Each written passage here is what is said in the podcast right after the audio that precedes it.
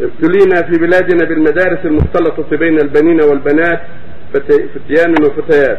وأنا شاب متدين الحمد لله وعينت مدرسا بإحدى هذه المدارس المختلطة حيث لا يوجد مدرس للبنين فقط في بلدنا ولكن توجد مدرسة بعيدة عن بلدي تحتاج لمجهود ساق طوال اليوم ومصاريف كثيرة وراتبي صغير وقليل فهل أبقى في المدرسة المختلطة أم أطلب النقل إلى المدرسة الأخرى؟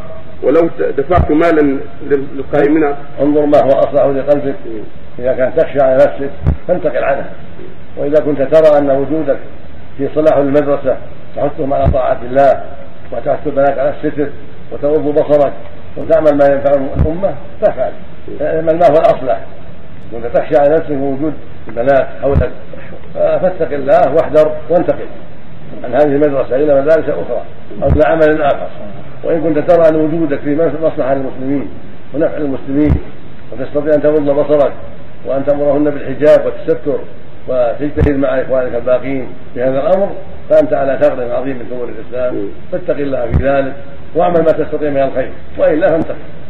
إذا كان الروضة حكمها اللي فيها عمارة من خمس سنوات. لا دي سهلة الصغار لا يضر.